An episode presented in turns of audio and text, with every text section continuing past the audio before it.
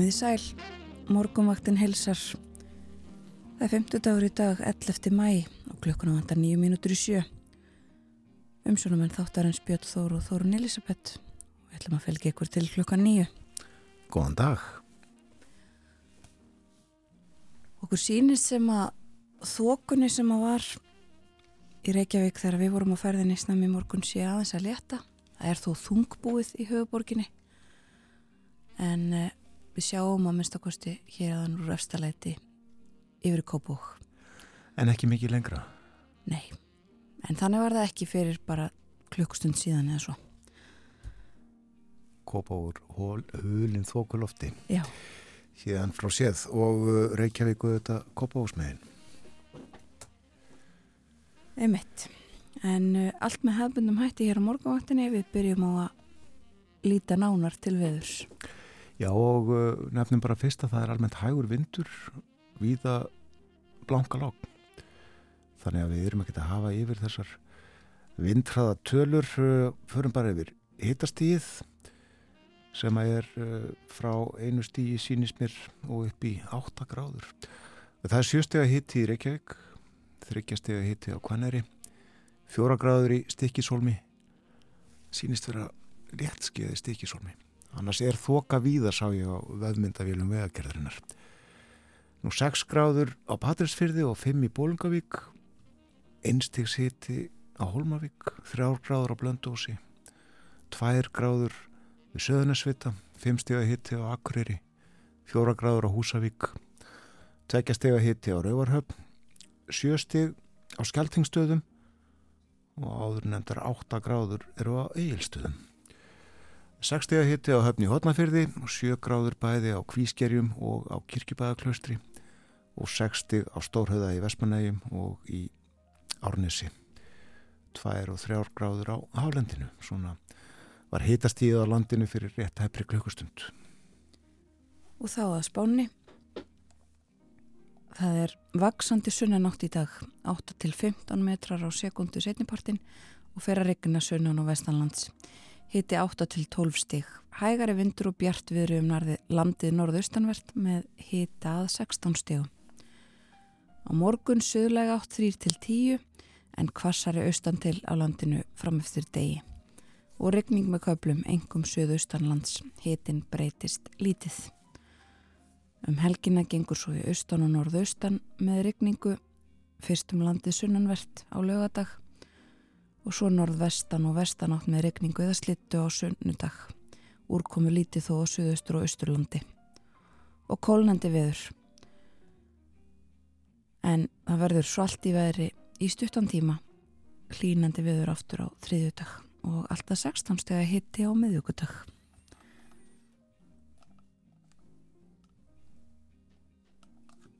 Mylt og rægt loft yfir landinu öllu sem sagt segir svo í hjóleðingum. Það er áframhaldandi áframhaldandi áminning um uh, þessar lokanir sem að íbúar á höfuborgarsvæðinu og uh, söðunessjum með að búast við vegna leðtóafundarins í næstu viku. Verða bæta við svona einnu og einni lókunin í tilkynningar frá vegagerðinni. Annars verðist okkur svona þetta vera hefðbundnar tilkynningar um viðhald á vegum? Ímyndlegt á dagskrá morgunvaktarinnar í dag eh, við ætlum að fjalla um stjórnmál í Tyrklandi það voru gósið þar á sunnundaginn Líka fjallarsvoltið um njóstnir sem hafa verið í fréttunum upp á síkastið. Og við ætlum að tala um komu. Já.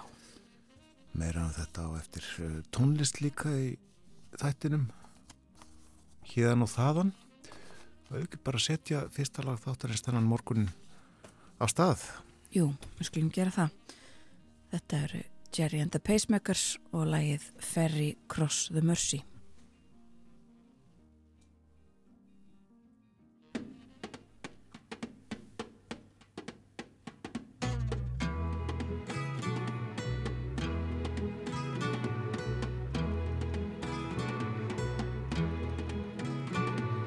Life goes on day after day.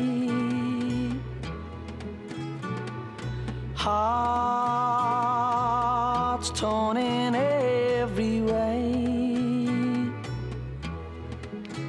So ferry cross the Mersey, cause this land's the place I love, and here I'll stay.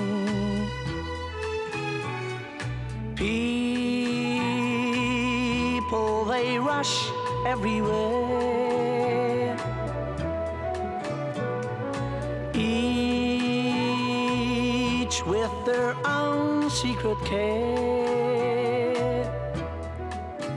So ferry, cross the Mersey, and always take me there, the place I love. People every corner, they seem to smile and say, We don't care what your name is, boy, we'll never turn you away. So I'll continue to say,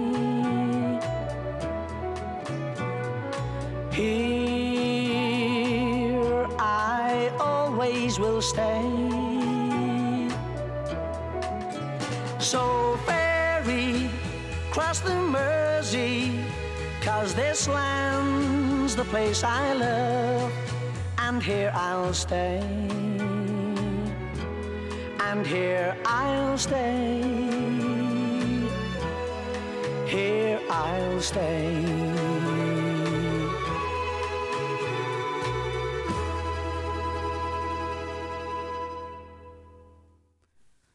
Ferry Cross the Mercy, Jerry and the Pacemakers þetta lag frá 1965 úr samnendri mynd og uh, Jerry and the Pacemakers frá Liverpool.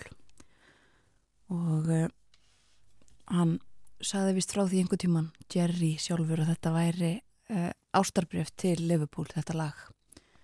Mercy, þetta áinn sem að rennur svo þarna út í sjó í Liverpool. Og við erum auðvitað með svona smá Liverpool tengingu ekki síst vegna þess að þar fyrr setni undan keppni Eurovision fram í kvöld. Ísland það er á meðal keppenda Diljá stígur og svið, ég held hún sé nummer 7 eitthvað svo leiðis en nú leipum við frettum að og snúum svo aftur hér á morgunvaktinni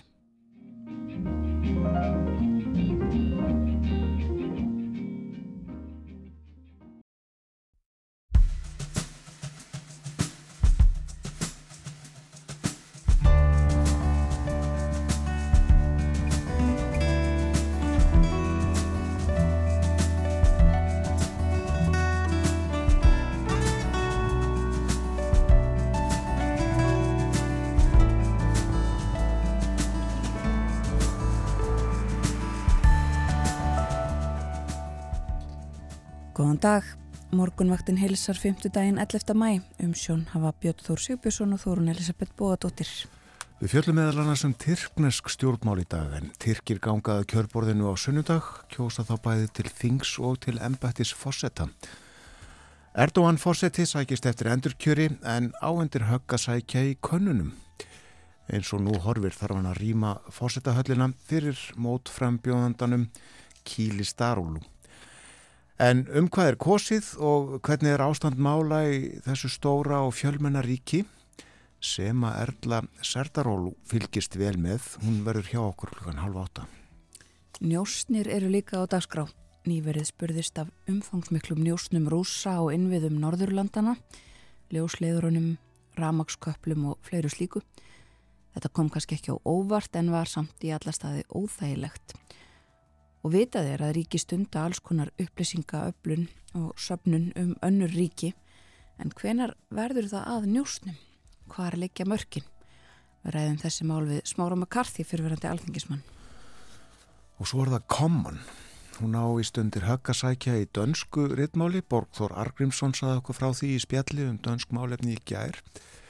En hver er staða kommunar í íslensku rittmáli? Já, uh, staða annara greinarmerkja.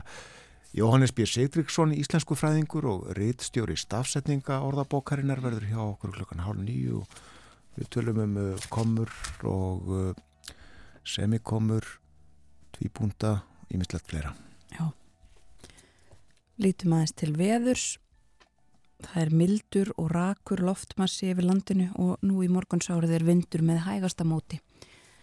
Og þoka lætur á sér kræla í flestum landslutum. Það sem stýrir veðrunu í dag er lægð við kvarf sem sendir skíl yfir landið. Það verður því vaksandi sunnanátt 8-15 metrar á sekundu setjumpartin og fyrir að regna sunnan á vestanlands. Hiti þar 8-12 steg í dag. Sunnanáttin verður hægari um landið norðaustanvert. Það er léttir til og má búast við alltaf 16-17 steg að hita í solskinunni þegar best lætur. Á morgun verður áttin áfram suðleg en vindræði skaplegur víðast hvar. Nefn á austanverðurlandinu þar má búast við strekkingi. Væta með köplum nokkuð víða og útlitt fyrir drjúa regningu á Suðausturlandi framann af degi. Og hitatölunar svipaðar eða aðeins lægri enn í dag.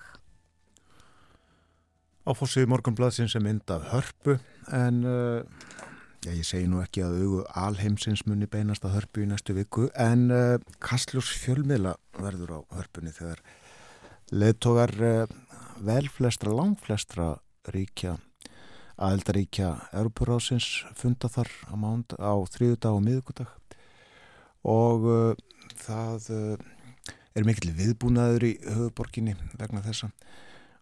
Örgismiðdavélum fjölgað í miðbænum var sagt frá því fréttunum hér fyrir vikunni og kom líka meðal hannars fram í máli Sigriða Ríkislauglustjóra í samfélaginu hér á, á þrýðudag líklega en uh, það er ekki bara harpan sem er á myndinni og uh, blár heiminin heldum á sjá mann þarna á þakki þessa stóra hús að uh, bjástra eitthvað mögulega, líklega að setja upp eitt stykki öryggismyndavel Nú, svo er hér rétt við fórstjóra kvals Kristján Loftsson í tilefni að þessari skýslu matvælastofnunar frá því fyrir vikunni þar sem fjalla var um kvalviðar og sagt að já, þessar kvalviðar eins og þær eru stundar allavega séu mörg dæmi um að velferð dýrana hafi nú ekki verið gætt í kvívetna þegar þeir hafi verið skotnir. Og uh, Kristján Lofsson segir við morgunbladið að uh, matvalastofnun drægi upp einn stökka mynd og hætti er af kvalviðin fyrirtækisins og hann segir að með framsetningu stofnarinnar sé verið að sverta sjómenn sem starfa við veðanar segir engan leika sér að því að draga dauða dýrana á langin og að starfsmenn bátana reyni í lengstu lög að bana dýrunum eins hratt og auðið er. Hann gaggrinir þessa skýslu matalastofnar fyrir að vera augljóslega litaða af andstöðu við kvalviðar og þekkingalesi eftirlits aðila fiskistofu aðtúanir matalastofnar lágu til uh, aðtúanir uh, fiskistofu ásakið uh, lágu til grundvallar skýslu matalastofnar. Svo er það þessi ákvarðun Livju að kæra fyrirverandi starfsmann til lögreglu fyrir tillitnislösa uppflettingu í Livjagátt þau verið fjallan um þetta í fréttum. En svo að því að fjalla var um vegafrankandir hér eh, fyrir fréttnar hjá okkur á morgunvaktinni eh, heilmikið lumfjöllin í morgunblæðinu um einbreiða brýr og fækkun þeirra. Þær eru enn 30 í vegakerfinu þar að segja á ringveginum og uh, það er stemt að því að uh, þeim uh, fækki um hvað, fjórar á næstu tveimur árum og uh, að hér verð ekki ein einasta einbreið brú á ringveginum þjóði í eitt eftir 15 ár. En uh, á þeim hafa orðið fjölmörg slís eins og kemur fram í blæðinu Bændablaði kemur út í dag og uh, þar er uh, á fórsíðu mynd af uh, fjölskyldunni á Stórholti í Dalabið en uh, þessa fjölskyldu mynda þau eiti sanna Kristófersdóttir Steinþór Lógi Arnason, þau eru bændur á Stórholti. Og uh, hinn nýju mánuða Kristófer Lógi og uh, mynd tekin af þeim í fjárhúsinu á Stórholti, þau eru öll í lopapeisum og sá stutti horfir í linsu myndavilarinnar. Já, þau eru í eh, lopapeisum en uh, það er fjallað um ullarverð í stóru fréttinni á fórsíðu bændablaðsins en þannig er að stjórn Ítex, Ístex sem að uh, er ullarvinnslu fyrirtæki. Uh, það hefur ákveðið að hækka ullarverð til bænda að meðaltali um rúm 48% fyrir alla vinslu að hæfa flokka og þetta er mesta ullarverðs hækkun í 15 ár og líklega er þetta mesta hækkun í sögu Ístegs, segir Sigurður Sævar Gunnarsson, framkvæmtastjóri fyrirtækisins. Þetta er svona það sem við nefnum að forsýðum bladana morgunbladasins og bændabladasins uh, þennan morgunin. Förum út í heim hér á eftir en uh, fyrst aðeins að allt öðru Það er líf og fjöri í Liverpool þessa dagana þar sem að söngakeppni Eróskra sjónastöða er haldinn síðara undankvöldið í kvöld og Diljá syngur í kvöldið mitt og uh, svo eru úslitinn á lögadag. Liverpool er fortfræg Hafnaborg, uh, hún mun hafa orðið til um eða upp úr 1200, það er býsta langt síðan. En er hvað þekktu stöðuta fyrir að hafa alið af sér bítlana og svo auðvitað fótbolltaliðið. En uh, um 1850 þá stopnaði ungur maður verslun neðst við vestugötuna í Reykjavík og nefndi hana Liverpool en uh, frá þeirri borg fluttist fadir hans hinga til hans upp úr 1800. Mín kynnslóð uh, mann verslunina Liverpool sem paradís en á mínum æsku árum var Liverpool leikvangaverslun á laugavegi og úrvalið engu líkt dót af öllu tægi í hillu eftir hillu eftir hillu og það var auðvelt að gleima sig við að skoða og láta sig dreyma. En áður var Leifupúl hins vegar almenn verslun og þar fegst allt millir heimis og erðar en uh, fyrstu árin held ég að Leifupúl hafi engum þjónustað skips áhafnir. Ég fann að ganni til nokkrar auglýsingar um uh, vörur og úrvalið í Leifupúl uh, í upphafi síðustu aldar og byrja hér á forsýðu auglýsingu í blæðinu Reykjavík frá 1903 og þar stóð Næstkomandi lögadag verður opnaður vín og ölkjallari í Liverpool. Og þar verða selt alls konar vín, góð og ódýr. Og í kjallaranum mun áallt fást besta tegunda brennivíni. Og líka gamle Karlsberg, Allians og Lageröll og ímislegt fleira sem á vindlar og reiktópak og uh, setna Landsins ódýrasta fatasölubúð er í Liverpool. Þar geta menn fengið allt er þeir þurfa. Yfirhafnir, vetrarjaka, alfatnað, nærfatnað, skó og höfuðfatnað. Sokka, hálslín, rekkápur, göngustafi með meiru. Menn spara peninga með því að kaupa í Liverpool. Sjómenn, það er eitt af því nöðsynlegasta fyrir hvert sjómann að eiga haldgóðan sjófatnað. Verslunin Liverpool hefur á síðastlinu sömri látið búa til mikið úrval af sjófötum úr sterku lérefti til þess gerðu. Og uh, þetta er uh, með samskonar íburði og uh, útlend sjóföt. En þrátt fyrir hinn vandaða frágang eru sjófötin seld mjög ódýr. Og besta tegund af útlendum sjóhöttum sem til bæjarins kemur fæst einni í Leifupúl Og hér er auðlusing frá 1907. Vestlunin Liverpool selur langbestu og ódýristu vagnhjólinn sem flytjast til landsins. Það segja allir er nota hjólinn og er því ekkert skrum. Liverpool selur auk annars flestallar vörur er sveitabóndin þarnast mun ódýrara en aðrar veslanir. Ef þér komið eigi við í klæðskera vesluninni Liverpool þá uh, ertu að tapa peningum. Það er hægt við að þér látið tvo peninga fyrir einn annar staðar. Í Liverpool eru komnið með síðustu skipum alls konar ávegstir svo sem amerikansk epli, bananar og líka laukur, kvítkál og gullrófur. Og hérna er einn Liverpool þetta er svo smátt letur selur fálkasmjörlikið það fæst hverki annar staðar bara í Liverpool. Og ostar danskir í miklu úrvali einnig norskir og hollenskir já og svisneskir ostar. Ostar eru ódýrastir í Liverpool.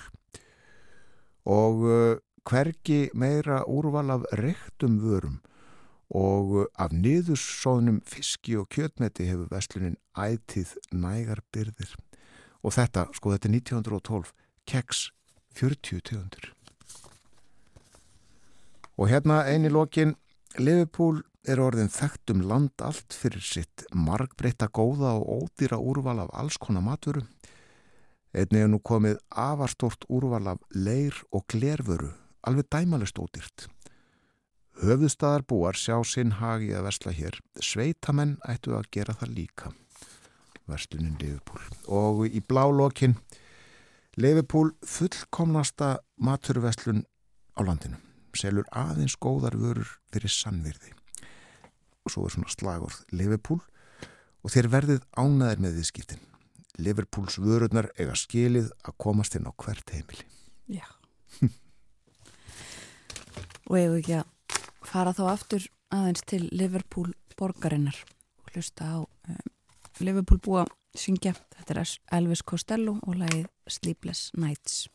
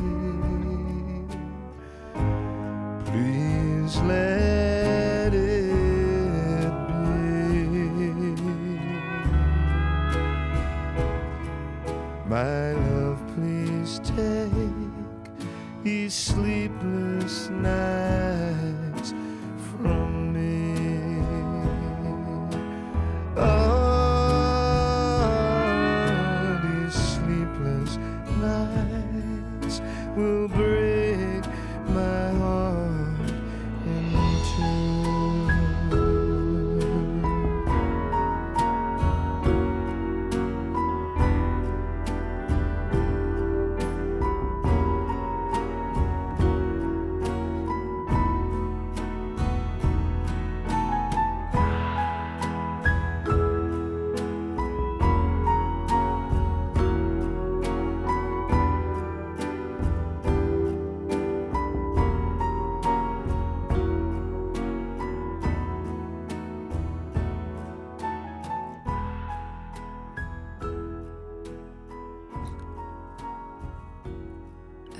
Costello söng um söflausar nætur. Hann er á leið til Íslands, verður með tónleika í Hörpu 28. mæ Eldborg. Sýnist en þá þetta að fá miða. En eh, við ætlum aðeins út í heim, segjum örfáar fréttir frá útlöndum og eh, verðum svo áfram í erlendum fréttum hér á eftir þegar við ætlum að ræða tyrknesk málefni. En við höfum líka heyrt fréttir í morgun í fréttunum. Við skulum aðeins segja frá stöðumála í Pakistan. Þar er búið að kalla út herin um allt land. Þar eru mótmæli sem hafa farið vaksandi og, og að minnstakosti átta hafa látist í þessum mótmælum og mótmælin uh, ástæðu þeirra er handtaka Imran Khan fyrirverandi fórsetisráþara landsins. Hann var handtekinn fyrir vikunni í réttarsal, um, fjölmarkar sakir á hann borðnar, um, spilling og fjársvik og, og, og um, sakaður um að hvetja til óróa og mótmæla gegn stjórnvöldum og það hafði verið gefun út handtökuskipun á hendur honum fyrir löngu en eh, honum hefði tekist í marga mánuði að komast hjá handtöku þanga til sannsagt fyrir í vikunni. Og uh, hann er vinsæl í Pakistan og þessi þetta mál sannsagt orðið kveikjan að uh, umfangsmeklum mótmælum. Og nú sannsagt verða að kalla út herin og reyna að stöðva mótmælinn og stjórnvöld hafa gefið það út og það verði, þeim verði mætt af hörku. Ég ætla að nefna líka aðeins uh, úr bresku blöðunum. Við töluðum um það fyrir vikuna hefur verið sagt frá því að þegar að Karl uh, konungur var breytaprins og Boris Jónsson fórsettisráð þeirra þá hefur þeir átt í miklum deilum vegna áforma breskra stjórnvalda um að, um, um að flytja flóttafólk uh, til Rwanda og uh, erkibiskupin í enski er að tjá sig núna líka um þessi áform núvarendi stjórnvalda að uh, deila milli hans og stjórnvalda. Hann sagði í ræðu í gæra að það væri um, síðferðislega óásáttenlegt að uh, ætla að gera þetta uh, stöðva komu lítilla báta til Breitlands og senda fólk til Rúanda. Og ég mislegt fleira í þessu uh, frumvarfi að þessum áformum stjórnvalda.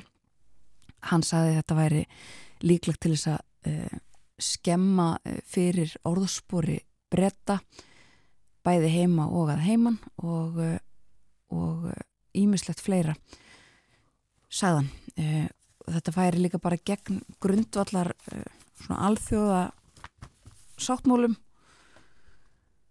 en ráðherrar ósamála erkibiskupnum og maður sér það hvernig bresku blöðin skiptast í þessu.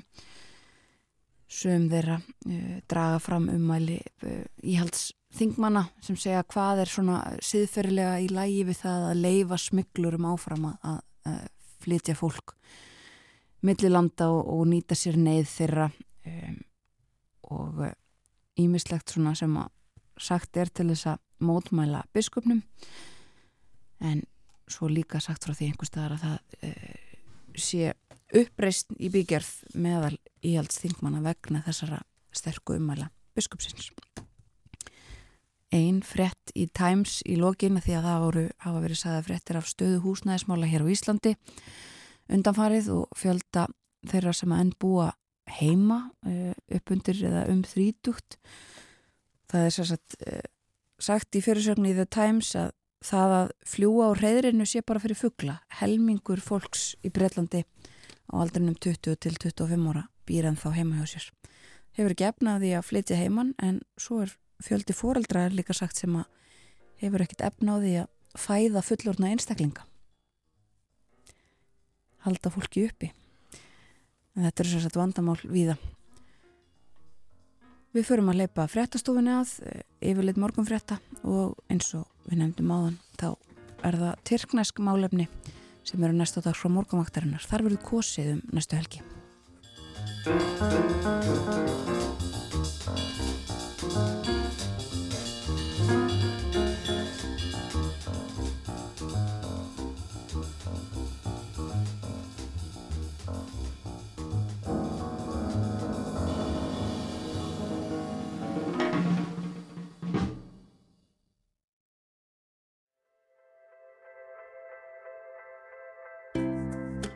Sæl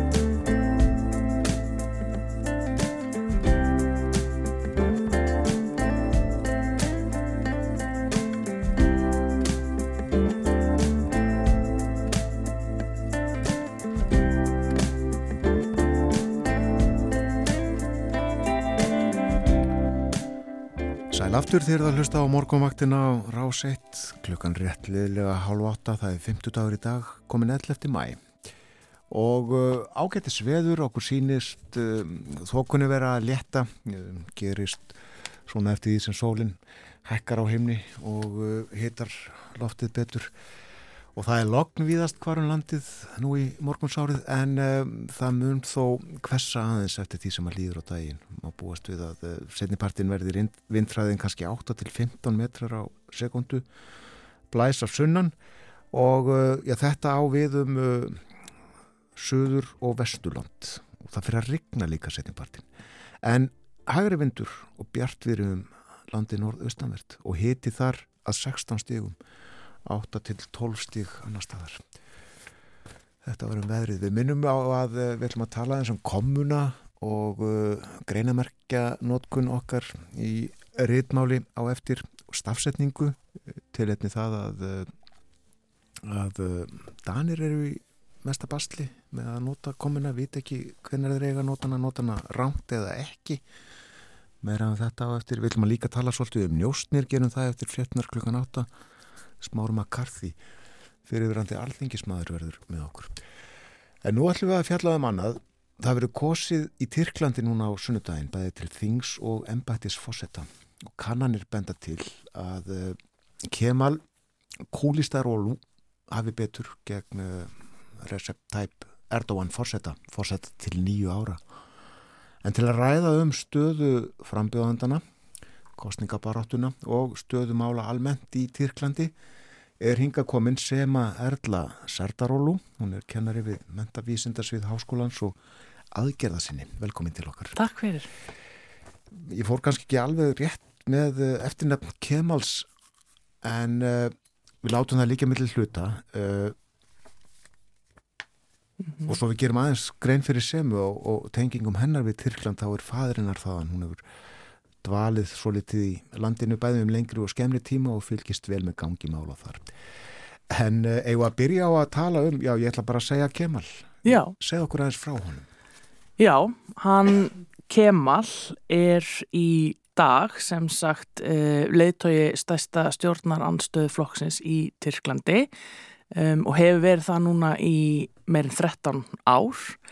Hann er hagfræðingur aðment og er frá Ankara ef ég mann rétt og hann var lengi að vinna sagt, bara í efnahagsmálum og, og það er síðan þarna fyrir 13 ár síðan þar sem hann tekur við eftir um, afsökn forvera síns. Og hann hann er svolítið merkilegu maður kannski líka sérstaklega þegar við horfum á svona kannski hans helsta anstæðing sem alltaf Erdogan. Uh, Kemal er um, hann er náttúrulega þetta lífildsflokkurinn sem hann fer fyrir, hann er svona hefur alltaf talist svona allavega aðeins meira til vinstri heldur en uh, annað. Hann hefur, hann er mjög svona yfirvegaður í framkomu og rólegur, hann hefur allan þennan tíma já, verið náttúrulega svolítið kannski skotspott líka stuðningsfólks Erdogan sem hefur þýtt það bæði uh, ég ekki bara Erdogan seldur annar líka, hann hefur já, allt frá því að vera verið persónlega nýði bara hennilega beittur ofbeldi og það hafa verið gerðið bara gera tilraunir að, að lífi hans uh, í svona þennan síðasta áratug af, af ymsum hópum segir um, sagan allavega. Og hérna og alltaf hefur hann svona tekið öllu þessu svo rólega. Hann er svolítið svona bara við mætum hatri með friði típan sko. Og það svona það hefur, já, svona fyllt honum þetta orðspor sem er, eins og segi, mjög kannski merkilegt þegar við horfum á, á, á fórsetan eh, svona til, til lýsunar Og ólíkir karakterar.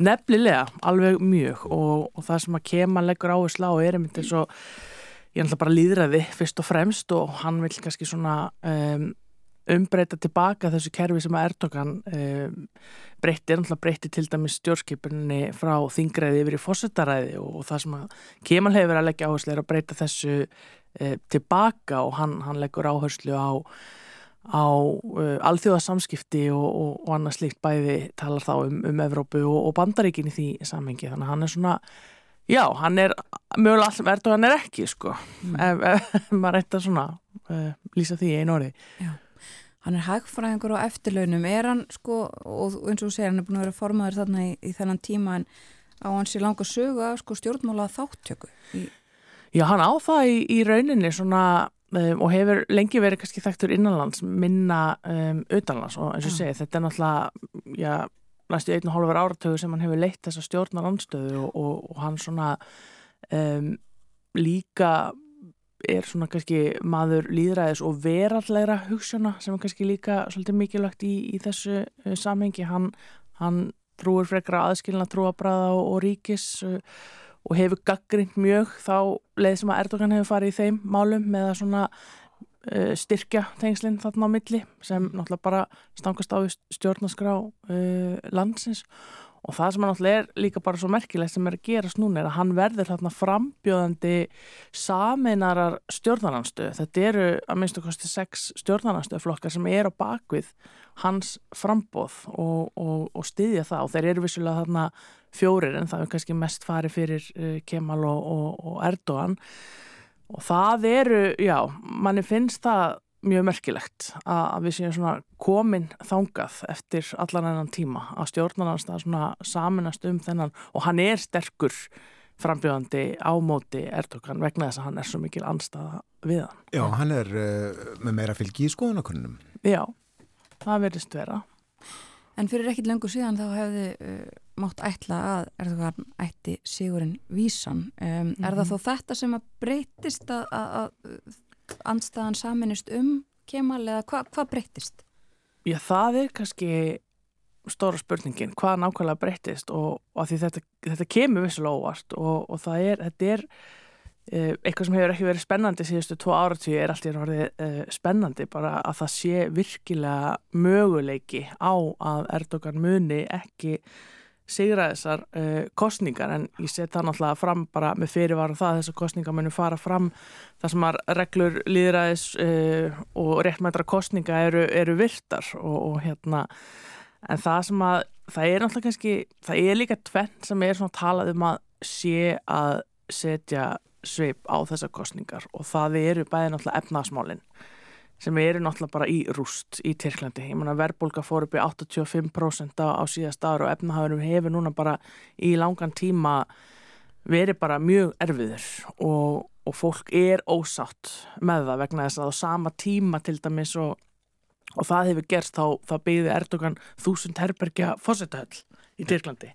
Já, Svona, og þetta auðvitað um, stuðar fólk og, og maður hefur séð svona eins og það sem hann hefur verið til dæmis að gera núna hann tvís og til dæmis búin að hækka laun ofinbæra starfsmanna nú síðast bara á dögunum. Og þetta er einhvern veginn svona þetta er ekki sannfærandi, finnst fólki. Þannig að, og það auðvitað er bara orðið langþreytt á slæmu efnas ástandi sem náttúrulega bitnar fyrst og fremst á, á íbúum, þannig ég myndi segja að það væri svona kannski einn ein af þessum stóru faktorum sem eru virkilega að hafa áhrif og, og síðan er það náttúrulega jarðskjaldin sem varð í Tyrklandi og, og varð hérna miljónum einstaklinga að bana og, og það er kannski margt í því. Um, bæði náttúrulega það að það hafa verið gaggrind mjög viðbröðin hjá Erdogan og stjórnvöldum við jarðskjaldunum og, og fólk svona upplifir að það hafi sínt fram á þessa svona spillingu sem hefur ríkt í e, tyrknesku stjórnkerfi e, um tíma. Og þannig að það hefur virkilega já, á meðal fólk sem hefur stutt Erdogan í gegnum tíðina. Þetta, það, þetta hefur haft áhrif á vinsaldir hans hjá þeim hópi. Og svo náttúrulega annað sem að kannski er líka áhugast í þessu er að vegna þess að það sem að jærskjaldin verður þetta er á svæði sem hefur verið svona svæðiðans Erdogans og þaðan eru marga miljónir dag á vergangi og það er talið að allavega ein miljón af þeim mun ekki taka þátt í kostningunum í ár. Já, og það er bæði eh, viðbröðin í Já. kjölfarskjáltana og Já. eins þessa byggingareglugerði sem voru Já. eh, sveigðar til. Já, Húsin stóðust ekki já. reglur. Það, það er bara mitt merki um, um spillingu innan stjórnkerfisins að, að það hafi verið. Þannig að það, þetta náttúrulega bara emitt hefur mikil áhrif á hans stöðu. Erdogan hefur byrst okkur hér eh, sem einhver tegund af eh, einræðisherra og Mhm. harðstjóra. Já, En uh, mörgum miljónum í Tyrklandi verist líka hans stjórnarhættir. Hann er með eh, 40 og eitthvað próst fylgi í konunum. já. Okkur finnst það svolítið skrítið þér. Já, það er mörgum sem finnst það mjög uh, skrítið. Þetta er náttúrulega orðin 20 ár sem Erdogan er búin að uh, stjórna í Tyrklandi, fyrst sem fórsættisráðara og síðan sem fórseti og, og hann náttúrulega breytir bara stjórnkerfinu til þess að hann geti haldið áfram við völd og, og hérna er allt í norið fórsetaraði og komið með öll völdin þegar hann verður fórseti og, og hérna það sem að kannski ég meina Erdogan þegar hann, hann var mjög vinsæll stjórnmálamæður um, til dæmis bara þegar hann var ungur, hann byrjaði ungur í pólitík og, og, og hefur auðvitað bara eins og er ofta, þú átt þetta svona þitt fasta uh, fylgi ásakið og, og vissulega verður það ekkert tekið af honum að hann hefur gert margt og ég þetta bara líka í, sem borgarstjóri í Istanbul áður fyrir og, og bara byggði upp þá borg og, og hérna Aðsopsmikill og kraftmikill. algjörlega, og, og hefur alveg, þú veist, hann á ekki bara stuðningsfólk í, í Evrópu, bara viða, nei, í hérna Tyrklandi fyrir ekki um, fullt af Tyrkjum í, í Evrópu og, og, og síðan bara aðrir þjóðaleitóar og aðrir um, annað fólk sem að stiður hann, en En svo einhvern veginn á sama tíma, ég meina eins og ég sagði á þenn, ég meina talaðum fyrirvara við kostningar þessu líðræðislega framkvæmdar, ég meina það hefur alveg verið þannig allan enn tíma að, að maður hefur ekkert haft uh, það mikið tröst á ferlinu að, að hérna að maður sé alveg endilega að kaupa þessi kostningaúslit alltaf sko, svo það, það er bara þannig þegar hérna, þú er komið með einstakling sem er einræðisherra sem vill uh, halda völdum sínum og mun gera allt til þess og, og svo náttúrulega líka bara alls konar aðferð sem hann hefur uh, nýtt sér í gegnum tíðina, ég menn hann fer bókstaflega og kaupir sér atkvæði bara meðal hans með að fara með kól til fólk svo geti hitað búsin sín í, í nokkra mánuði, sko. Þannig að það er þetta ímislegt mjög vafasamt sem hann hefur gert til þess að halda þessu fylgi sínu. Það er henni bara keifta, um svo maður segja. Já, og einmitt eins og þú segir eh, hvernig þetta hefur verið uh, og hverju megum við þá búast við núna þegar einmitt skoðanakannanir sína að, að það gæti farið illa fyrir honum og, og hans fólki um, erum við þá líklega til þess að sjá uh, já, hvernig verða viðbröðum við því ef að það fer svoleiðis, erum við þá að fara að sjá um, eins og við höfum séð annar staðar uh, sko, verða úrslitin ekki viðukend af þeim eða hvað? Hefur verið umræðið um það í Tyrklandi? Já, og svari er yfirleitt bara að það veit enginn hvernig það fe- fara ef að Erdogan mun tapa þessum kostningum því að það er eitthvað sem við höfum ekki eh, séð gerast áður bara almennt að það gerist ekki að, að sitjandi fórseti er hérna kosin út í rauninni. Og, og þetta er sko, því, það er líka náttúrulega verið að kjósa til þings og skoðanakannan er benda visslega til þess að flokkurinn hans sé með áfram meiri hluta þar og þeir munur sigra þessa kostninga þannig að mögulega erum við þá allt í einu komin þá stöðu að, að flokkurinn hans á þingi hérna, eh, ríki á þingi en, en hann missi fórsetæmbætti og maður veit svo sem ekki hvernig það mun fara saman. En, en auðvitað er náttúrulega líka þannig að þú þarfst að fá hreinan meira hluta í kostningum í Tyrklandi. Þannig að það er mjög líklegt að við munum fara í tvær umferðir að hvor, hvorki Erdogan ég kemal muni ná hreinu meira hluta í, í fyrri umferð og það hefur líka, það var líka síðast þannig. Um, og það er ekki kannski jafn augljóst að Kemal muni ná að vinna setni umferðina. Um, hann náttúrulega er með marga hópa á bakvið sig eins og segja, þetta eru náttúrulega allavega sex flokkar sem að styðja hann og þarna eru allt frá sko um, vinstri yfir í sko þjóðurnesinna yfir í, í flokk kurda sem að standa að baki honum og, og maður sér það alveg og hefur séð það kannski svona sérstaklega á síðustu dögum að það er tókstreita þarna líka. Ég meina hvernig á einn maður að ná að uppfylla kröfur svo rosalega ólíkra hópa? Þannig að maður sér alveg þegar til dæmis það kemur stuðningsyfirlýsing frá flokki kurda að það ángrar þjóðurni sinna veist, þannig að það er alveg hérna og svo er spurning með sko verkalýsreifinguna og, og hvort að hérna eh, hún standi að baki honum vegna þess að eins og segja, í þessari tilhörn til þess að ná til sem flestra þá hefur Kemal til dæmis líka núna svolítið verið að leggja áherslu á svolítið svona hægri sinna efnahagstjórn og, og þá náttúrulega missur fylgi e, verkafólks. Þannig að þetta er vissulega mjög flókið og það getur mjög ger, mikið gerst þarna á milli umferða. Er mjög fjöl með þjóð, 80-90 miljónir eitthvað svoleiðir sem búa í Tyrklandi og, og, og þjóðin er mjög svona, hvað er það að segja, markbrotin. Algjörlega. Já, en uh, nefnum það að, að ég held að það sé hátti 30 flokkar sem að bjóða til, fram til þings og, og svo er þið með svona kostningabandalög. Einmitt, Já. já. og og, og það er um, og líka bara því að nefnir sko Tyrkland og hvað hún er e, stórt land og, og fjölbreytt þá er líka bara mjög áhugavert að það eru sko það eru um 5 miljónir sem er frá að kjósa í fyrsta skipti í Tyrklandi núna og, og óvist svona einhvern veginn hvernig um, þessi atkvæði til dæmis munu fara.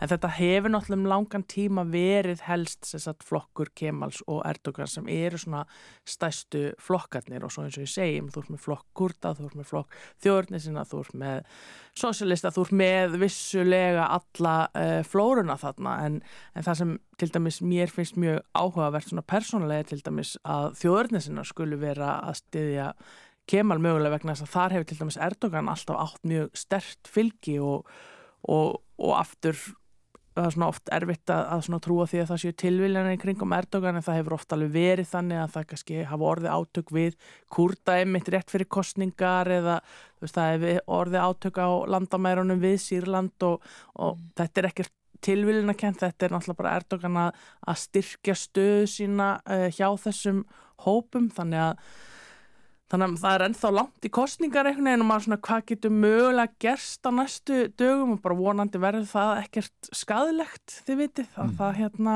þetta er svona, það er kannski svona það sem að maður óttast mest. Það reynir ekki bara að kaupa atkvæði með kólum, hann nota líka vopnjáfell til þess að... Nefnilega, nefnilega. Já. Já, langt í kostningar sér að þeir eru nú samt að fyrir hlutin á, á sunnudagin en sko, farða hans nánar í þetta sko með þjóðarnisinnana einmitt uh, mm -hmm. og, og þennan viðsnúning þeirra. Já, og, og það bara einmitt og líka bæti því við að það eru sjámættalega tvær vikur í setni umferð ef við bara svona gerum ráð fyrir því að það, uh, það er uh, óvist hvað skýrir það. Ég hugsa að um, Já, þjóðurnisina þeir náttúrulega bara horfa kannski fyrst og fremst á Tyrkland og stöðu Tyrklands fyrir Tyrki og, og hérna um, svona það sem maður hefur meðal annars séðir einhvern veginn að, að það sem að flestum finnst að meðan til dæmis flestir eru að gaggrina um, viðbröð til dæmis við uh, járskjáltanum eða öðru þá svona kannski að þeir vera að gaggrina það á öðrum fórsendum það er til dæmis bara meðal svolítið séð vaksandi um, andúðíkar flóttafólks í Tyrklandi að undanförnu og þá að mynd kannski er sérstaklega talað um, um sírlendinga í því samhengi. Þannig að maður hefur alveg séð það að frambjöðunar er að taka afstöðu til dæmis í því um, og, og ég er nokkuð vissum að allir frambjöðunir hafa talað um það að sem sagt uh, að senda sírlendingana tilbaka innan gesalappa, að það er einhvern veginn svona hluti af þessari, að því vissulega eru fleiri mál en þessi efnaðsmál og, og mm. málefni sem var það um, eftir kost jærskjáltans og það er meðal annars sem þessi svona vaksandi anduð ykkar flótafóksla, það er til dæmis meðal meðal annars sem nær til uh, þjóðurni sinna en, en svo eins og, eins og Kemal hann tala líka um að hérna, koma á friði við kurda þannig að það er svo mikla þversagnir Já. í þessu og það náttúrulega ángrar þjóðurni sinna meðan það hérna, færiði stuðning kurda og, og þetta er bara vissulega mjög flókið að mörgu leiti. Þú saðir uh, áðan að, að það eru mikil efnahagsvandraði í Tyrklandi, verðbólgan mælist í 20% mm við, hérna, hún er bara grín hér sko með Já, það. já. En hvernig uh, gengur að reka samfélagið, uh, skólana og spítalana og það allt saman? það gengur náttúrulega bara mjög erfiðlega og bæði náttúrulega út af, uh, út af efnaðs ástandinu en, en svo er það líka náttúrulega þessi pólitíska spilling og, og hvar svona um, það er svo langt síðan að, að þetta fór að snúast um hver hefur ítök hvar, ég meina bara dómskerfi til dæmis, bara Erdogan hefur náttúrulega bara sett sitt fólk til dæmis þar og, í, og víða í einmitt stórar stöður einmitt í efnahagsmálum, í uh, helbriðsmálum og annar staðar, þannig að þetta er vissulega, þetta er bara mjög erfitt staðan er mjög erfið og hún er mjög erfið um, fyrir vinnandi fólk Já, svo er staða Tyrklands í, í samfélagi þjóðana mjög flókin, Já. landið þetta í Asíu, smábrot í Evrópu. Tyrkir eru í Evrópuráðinu, Mhm. uh, samband uh, Tyrklands og Rússlands er mjög snúið. Akkurat, já.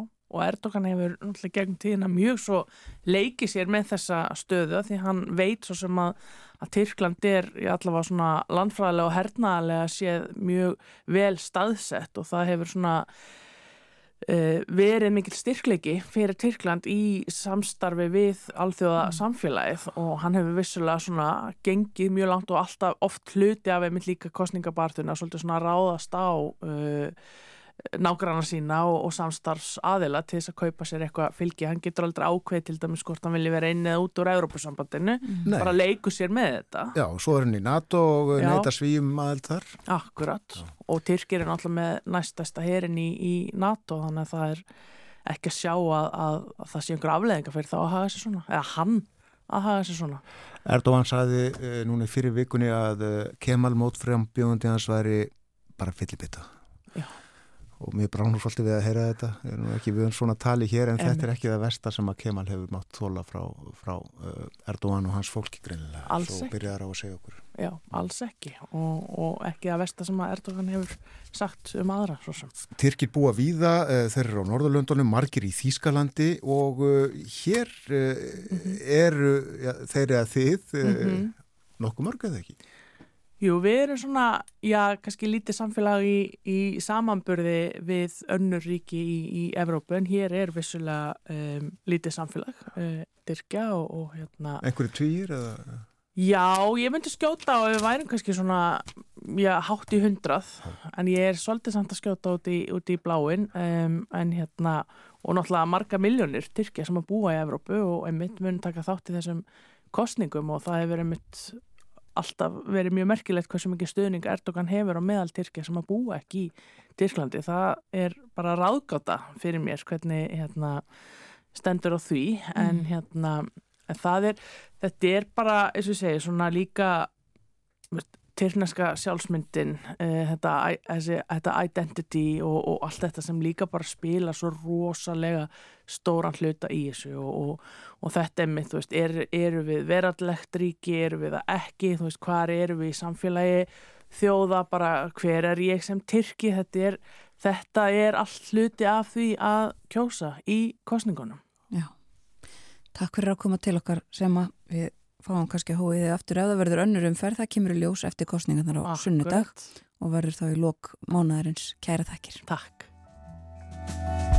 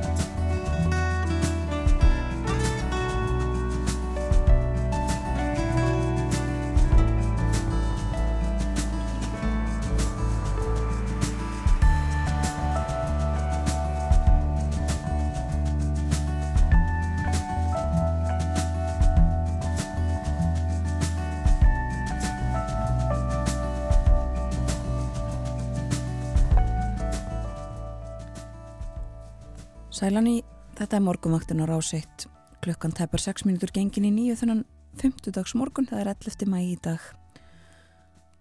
Og fyrir fréttinnar þá rættum við um stöðumála í Tyrklandi. Þar verður kosið á sunnudag bæði til þings og forseta. Fyrri umferðin líklega um, sem að Erla var hjá okkur sem að Erla Serdaróglú sem að uh, fylgist vel með uh, og hefur verið í Tyrklandi fæðurinnar þaðan.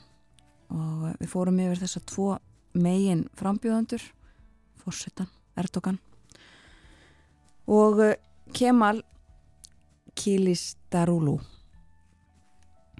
sem að er vinsæll uh, og eins og staðinni núna lítur út fyrir að hafi meira fylgi samkvæmt skoðanakonunum við fylgjumstu þetta með þessu hér á morgunvaktinni og uh, minnum á að hér á eftir þá ætlum við að ræðum komur íslenskt mál til umfyllunar komusetningar, uh, þær eru eða rétt nótkun þeirra á undanhaldi í Danmörku. Og við ætlum að spyrja hvernig þessu málum er hátað hér.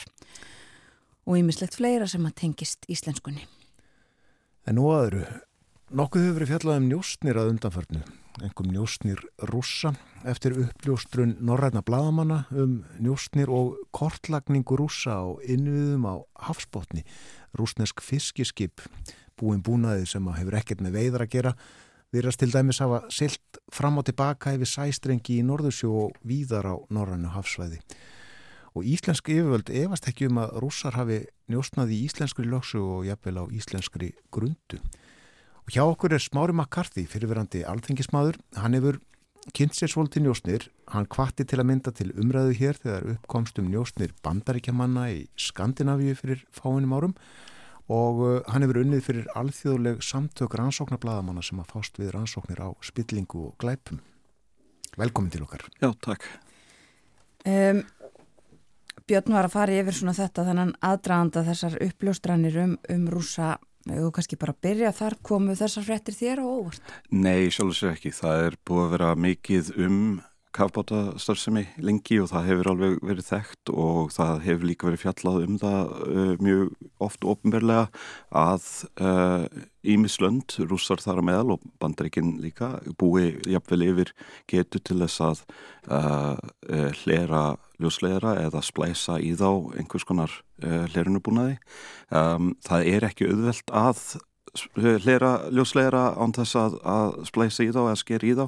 Það er mögulegt og rússar búa líklega ekki yfir það, það mikill í tæknin til þess að geta gert það án þess að splæsa en það, það er mjög eðlilegt að rússar reynir svona lagað og sérstaklega með við núverandi aðstæður ég segi ekki eðlilegt vegna að sér sáttur við það heldur bara vegna þess að þetta eru þeirra hagsmunir að, að vita hvað við erum að fást við hérna í, í NATO bandalæinu þannig að Já, kemur ekkert óvart. Nei, og þeir eru með alls konar leiðir til þess að, að gera þetta, að reyna að komast að því. Já, og svo er náttúrulega hinn spurningin hvort að uh, standi til að reyna að hlera þessa strengi eða bara reyna að komi vekk fyrir að við getum nota á til dæmis með því að klippa á þá eða, eða sprengja á eða álíka. Já. Ef að, ef að það er því allt innu gaglera heldur en hitt. Já, einmitt. Sko, við fórum líka yfir þetta með þú varst sko, í þeirri umræðu þegar það komst upp um einmitt að bandaríkjumenn hefði verið með aðganga að ljóslegurum í Danmörku mm -hmm. Þá var það auðvitað þannig að neykslið var það að Danir hliftu bandaríkjumennum að Já. en í þessu tilviki þá er þetta gert í ólefi Akkurat Hver er munurinn þarna á? Hvenar Náttúrulega, ef maður er að tala um uh, svona njúsnir þá er alveg hægt að fara allan skalan frá svona bara mjög eðleiru upplýsingöflun sem að held ég flest ríki stunda þar sem að þeir eru með eitthvað starfsfólk á vegum sendur á það eða einhverja viðskipta uh, fulltrúa eða annað sem eru bara að spyrja spurninga hlusta á morgun útvarpið eða hvað eina og afla upplýsinga þannig og svona opnar upplýsingar Svo er hægt að fara í samstarf við þarlegin stjórnvöld um að fá uh, aðgangi jafnvel með það sem ætti að vera ólögulegum hætti og það er það sem þeir ekki menn gerðu í, í Danmörku. Mm. Um, svo er eins og hefur verið fjallaðum útsendarar frá ymsum ríkjum starfandi í flestum ríkjum og þar með uh, líklegast á Íslandi. Uh, það eru uh, samkvæmt frettum bara sem, við sá í gær einhvers svoleiðis mál til umfjöldunar hjá uh, ríkislauglustjóra í, í augnablikinu. Þannig að Þannig að þar gæti verið einhvers konar uh, aðgerðir til þess að, að uh, komast inn án þess að fá endilega samþykki uh, einhverja aðla hér á landi. Heldur kannski verið að manipulera fólk, kannski verið að brjóta sinn eitthvað álíka og þetta með að sko fara og splæsa í, í sæstrengi eða fara með einhverja kafbóta það er í rauninni miklu stærri og flóknari og, og dýrari aðgerð. Þegar maður er að tala um svona, svona aðgerðir hvort sem það eru njúsnir eða, eða, eða að reyka kafbóta það er alltaf gott að hugsa um þetta út frá því hvað þetta kostar það kostar ákveðið mikið að, að reyka, veist, halda úti njúsnara í einhverju landi. Það kostar ákveðið mikið að, að reyka kafbót. Uh, þannig að hérna, spurningin er hversu mikið kostar aðgerðin og hversu mikið eru, eru til dæmis rúsnesk stjórnvöld til í að eigða í að ná tilteknum árangri. Þannig að Borgar þetta sig, sem sagt. já, Það er það er alltaf spurningin. Já, já. En uh, leinithjónustur eru starraktar í uh, vel flestum ríkjum. Já. Við þekkjum CIA og, og svo er það hvað MI6 er Já, það ekki? og Sex MI5 og, og- 5, Og 5. NSA, NSA í bandríkunum líka. Já, Þetta eru njóstnastofnarnir, Já. er það ekki? og miklu fleiri til það er uh, BNDA í Þísklandi það er, uh, það eru nokkrar í, í Rúslandi bæði uh, herþjónustur og, og, og svo alvíkisstofnanir svona eins og FSB er það sem flestir þekkja. Uh, mörg fyrir um Sovjetríki eins og Azerbaijan, Hvíturúsland eru með uh, stofnanir sem heit ennþá KGB þannig að þetta er til Emmitt, þannig að uh, það er nú ekki meiri leyndi yfir þessu en svo að, að við þekkjum þessar stofnarnir meirið eða minna. Nákvæmlega. Og mér er að það er gaman að fara í söguna á þessu, ég var að uh, hérna, rifi upp í gæra hérna, þegar held ég hann hafi heitið Harry Stinton sem var utanríkisráð þeirra bandaríkjana í kringum 1930 sem að uh, notaði það sem rauk fyrir því að leggja niður þáverendi uh, njósnastofnun bandaríkjana sem er Black Chamber. Uh, hann sagði herramenn les ekki pústinn hverju öðrum og þetta var svona veist, uh, svolítið andi þess tíma sem auðvitað sem breytist uh, með sinni heimsöld og, og, og eftir það verður NSA til. Þannig að það er allir gangur á þessu og þetta fylgir svolítið pólitík hverstagsins Einmitt. Og þú dróst upp ágætis myndaði þessu samtali sem við áttum í gær, uh, sagðir að uh, þetta njóstna net og kerfi heimsins, já, þetta er eins og þegar menn spila saman póker Já, og uh, allir svindla, allir eru svindla allir vita að hinn eru að svindla Mhm. og þeir svindla sjálfur, Já. en enginn er að tala um það kannski. e, Já, eða allir í rauninni ljúa blákalt fram í hvern annan og, en þetta er ekki bara njósnakerfið, þetta er líka diplomasían, þetta er líka öll alþjóðsamskiptin og ég minna það er auðvitað einhver, einhver tröst milli landa að einhverju marki en allir vita að það er eitthvað, eitthvað brall í gangi þannig að um, þannig að sko þegar maður er að hugsa um þetta út frá, út frá svona njósnum og, og hernaði jafnvel og diplomasíu og all, all þessi uh, samfella þá þarf maður að hugsa um uh, hvaða hagsmunni er verið að verja. Og oft eru það þjóðuröryggis hagsmunir, oft eru það miklu einfaldra hagsmunir eins og, eins og ja, viðskipta hagsmunir, stundum eru það bara persónulegir hagsmunir einhverja einræðisherra eða hátsettra aðila. Þannig að uh, það er allur gangur á því hvað, hvað er verið að gera Þú fórst yfir þessu svona ólíku kannski tegundir og uh, njóstna og, og þetta leinithjónusturnar eru það er beinleginist þeirra hlutverka með þetta að afla upplýsinga. En eh, eru til einhverjar svona alveg bara reglur um þetta, herramenn les ekki póstinn en hvað má og hvað má ekki?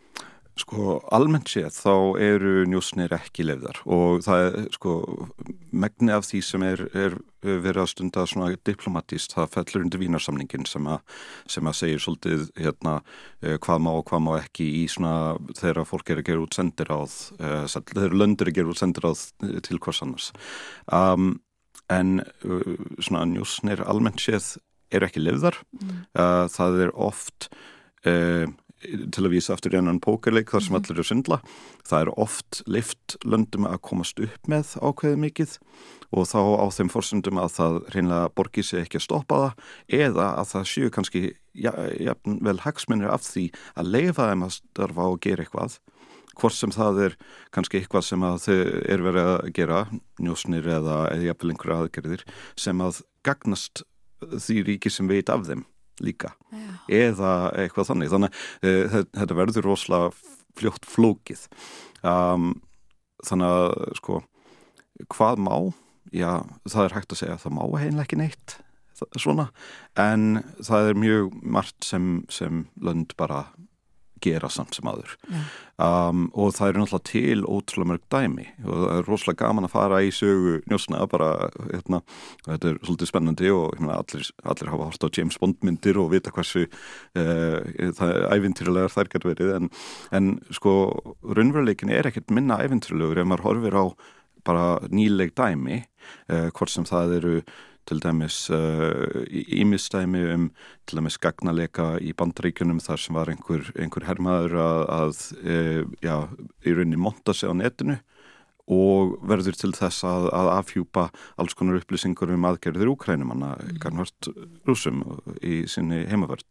Um, svo ertu með til dæmis eins og uh, morðin á já, uh, Aleksandr Litvinenko, Sergei Shigipal, uh, hérna, Boris Nemtsov, uh, er allt rússar einhverju hlutu vegna, það er svona, hefur svolítið með það að gera að, að rússar öðrum löndum fremur hefur bara alveg virt að vettu í allar þessar óskrifuðu reglur hérna svona uh, síð mentaðara samskipta ríkja uh, undanfartna áratögi og, og hafa ekkert verið að fara neitt rosalega lengt með það en, en það er líka hlutu ástand, ástæðinni fyrir því við finnum okkur í þessu ástandi sem við erum í núna að það hefur ekki verið sleið á puttana árusum ja, fast og, og kannski hefði verið tilefni til. Þannig að Þannig að það er mjög margt sem er, uh, er verið að gera. Já. En megnið af því sem er gert er ekki ofbildisvöld eða, eða neitt rosalega aggressíft. Heldur er bara verið að, að þjóna innfaldar hagsmunum. Já, og að því að við erum að tala um rúsuna, sérstaklega sko heiminum uh, stafar hætta af rúsum og ekki bara af bissunni þeirra og, og, og Nei, einmitt. Og ég minna, nú erum við uh, til dæmis með þennan stóra fund hérna í næstu viku uh, á Íslandi og ótrúlega mikilvægur fundur. Ég, maður heyrir utan að sér fólk er eitthvað ekki alveg sátt við þetta en, en að hugsa sér að, að 47 lönd séu að koma saman til þess að ræða málin á þessu leveli. Og þetta er þriða skipti sem þetta gerist frá, frá því 1954 held ég að séu þeirra að Evróparáðið er stopnað þetta er mjög merkilegur atbyrður og mikilvægt að þetta er sér stað. En það eru þetta margir sem snúa, sem vinna í örgismálum Íslands auðvitað örlítið á nálum út af þessu. Og bara, hérna, ég óskaðum allsins besta í, í því að, að verja landið, verðin þess að sko maður á ekki vona á því að verðin einn árás. En, en auðvitað e, það hafi verið neitt árásir frá rúsum undanfærna ár og undanfærna, já, mörg ár, ekki bara síðan að, að síðan einrásin þeirra í Ukrænuhúfst heldur bara lengi. En það er líka ýmislegt annað til dæmis þessi kafbótar og, og annað sem að bara fær mann til þess að, hafa örlittlar ágjur sem betur fyrir er fólk farið að taka svo mjög alvarlega og maður heyrir það e, bæði á umfyllin öryglunar og, og innan voru alls konar stopnunum að fólk er farið að taka öryggismálum mjög alvarlegar heldur en áður. Já. þannig að það er mjög ákvæmt Og þá ekki bara einmitt þessi svona fysisku uh, öryggismál sem að við verðum vörð við, lokanir á götum og fleira slíkt heldur einmitt allt þetta, rafræna öryggið okkar og það er auðvelt kannski eða með því að ráðast á eitthvað þá er þetta að valda tölverst miklu usla Þið getur ímyndað ykkur hvað myndi gerast ef að greiðslukerfi bósar myndu hægt að virka í sólring eða tvo, það fari alltaf hliðina eða, eða uh, flugumferðarstjórnakerfið eða eitthvað líka. Og þetta eru þetta kerfi sem eru það sem er kallað um, þjóðhægslega mikilvægir innviðir. Og um, það er verið að vinna í því að verja þetta tölver betur og bara uh, komi gott fólk í þetta og, og bara mun betra ástand á snúna heldur en var fyrir nokkrum árum. Já, það má verið... þetta gera betur en þá en, en, en já. Höfum við verið vísna væru kær gagvart svona lögu? Ég myndi segja það en það er kannski ekki alveg sér Íslands. Það, það hefur almennt verið mikil væru kærð gagvart uh, gagvart neturiki, upplýsinguriki og, og þess aftar um, en það svona ég, í hvert skipti sem eitthvað kemur upp á þá fer fólk að, að hugsa það eins betur. Eitt sem er örlítið veldumanni áhyggjum er hvað mörglönd og Ísland þarf með að lega það til að líta á þetta sé einhvers konar svona eh, vandamál netára sé eitthvað sem gerist á landamærunum að netára kom í gegnum sæstrengin eða eitthvað. En það er ekkert sem kemur í veg fyrir það að það sé árós sem hefst hérðan innanlands og þess vegna hef ég alltaf hvað til þess að, að uh, fólk líti á, svo á að öll tæki, öll, all, allir símar, allar tölfur, all, uh, öll tæki á neti geti hugsanlega verið uh, árásræðili og, og skipleggja örgismálinn sinni kringum það. Og þá skiptir máli að til dæmis stjórnvöld seti e, fjármagn og, og stuðningi í það að hjálpa almenningi að bæta örgi sinna tækja til þess að minka líkunar á þessu. Þannig að það er hvort sem það eru uppfæra stýrikerfi eða vírusvarnir eða annað þetta er hljóma rosalega einfalt en sko ólíkt hefðbundum hernaði þar sem að þú þart að sapna her og, og fara inn í land til þess að valda skada eða njósnir þar sem að þú ert að gera út njósnara eða kafbóta eða hvað eina með þessum rosalega tilkostnaði. Þá er ekki endilega jafn dýrt að ráða einhver forriðdara sem hefur kannski ekkert rosalega mikla hérna, samvisku til þess að skrifa einhver forrið sem að myndu valda miklu tjóni. Og það er meira svo opin markaður fyrir þessa hluti núna nú orðið. Það er hægt að fá orðið eh, öryggiskalla sem að sko getur tekið niður eða skadað tölvukerfi fyrir örfáar miljónir króna. Þannig að veist, allt inn verður þetta mjög ódýrst í svona þessu þjóðhægslega skilningi. Þannig að við þurfum þá öll að fara að stunda það að varðveita eða verja okkur á dýftina. Já. Þá erum við komið kannski aftur um þessu sem við mást að tala um áðan, hvað kostar þetta og, og það er vendilega þá ódýrar að gera eitthvað svona heldur en að rekka kafbótt. Já, miklu ódýrar og fyrir utan það, síðan er, er uh, oft talað um svona, uh, ákveðið svona hugsanar líkan um uh, hversu augljúst er, er aðgerðin. Það að ráðastinn landi er býstna augljúst. Það að, að sprengja Nord Stream það er ekki, það er mjög augljúst að það gerðist en það er ekki endilega augljúst hver gerði það og svo er fyrir neðan það aðgerðir sem er hvorki augljúst að þau hafi gerst nýja hver gerði þau ef þau hafa gerst. Og, og það eru mismundi stíl á þessu. CIA stundar miklu uh, frekar að, að gera hluti sem að sjást ekki og enginn getur í rauninu sagt hvort þau hafi átt sér staðið ekki nema þeir sem verða fyrir tjóninu. Meðan að rússar hafa alltaf verið svolítið meira ábyrjandi þeir eru svolítið meira að, að sína vöðvana, sína viktennar þannig að uh, og þetta skipt líkamáli vegna þess að þarna koma, kemur inn í pólitíkin aftur spurningar um, um mjúkt vald. Uh, við vitum að bandreikin eru á stund alls konar njósnir og annað en þeir hafa miklu meira mjúkt vald heldur en rússar vegna þess að allir eru pínur hrættir við, við rússa út af því hvernig þeir hegða sér. Og meðan að bandreikimenn í apvel þegar þeir eru að hegða sér mjög illa eru rosalega vinalegir og, og, og það er ekki alveg al, algjörlega ljóst hvað þau nákvæmlega gerði. Ónefndir eru hér kínverjar Já. sem líka uh, líkindur grunum njóstnir. Það er rétt og ég meina það, það er alveg sér kapitul út af sig. uh, ég meina uh, kínverjar stundar miklu njóstnir líka um, og í samhengi við Ísland kannski hérna, þá er alveg nokkur merki sem að hefur verið talað um. Uh, mér hefur alltaf fundist svolítið áhugavert hversu mikið af uh, gerfinhattamóttökubúnaði og, og loftnetum álíka er upp á uh, þakkinu á kennuska sendraðinu uh, ekki að ég sé ásakaðu um neitt tiltekið þar en, en mér finnst það mjög áhugavert. En sko uh, kynverjar eru svo aftur með miklu meira þennan, þennan uh, stíl að láta ekki mikið á sér kræla mm. ef er ekki mjög áberandi í því hvað þau gera um, en, en veist, hvort að það breytist eða hvað það er Og sem við förða sig á að uh, hér eru fjarskiptatæki og eftirlitsmyndavilar og fleira slíkt frá Kína mm -hmm. sem já. að uh, já, það er mikið verið að tala um að, að uh, farsímaturnar frá Huawei sérstaklega séu, uh, séu hugsanlega örgisætta Já Það er einmislegt í þessu. Þakka er innlega fyrir að koma til okkar smári makkarþi og spjallum þessi mál. Já, bara takk fyrir mig. Njósnir, eh, þetta er eitthvað sem maður má ekki taka létt úr. Nei. Thank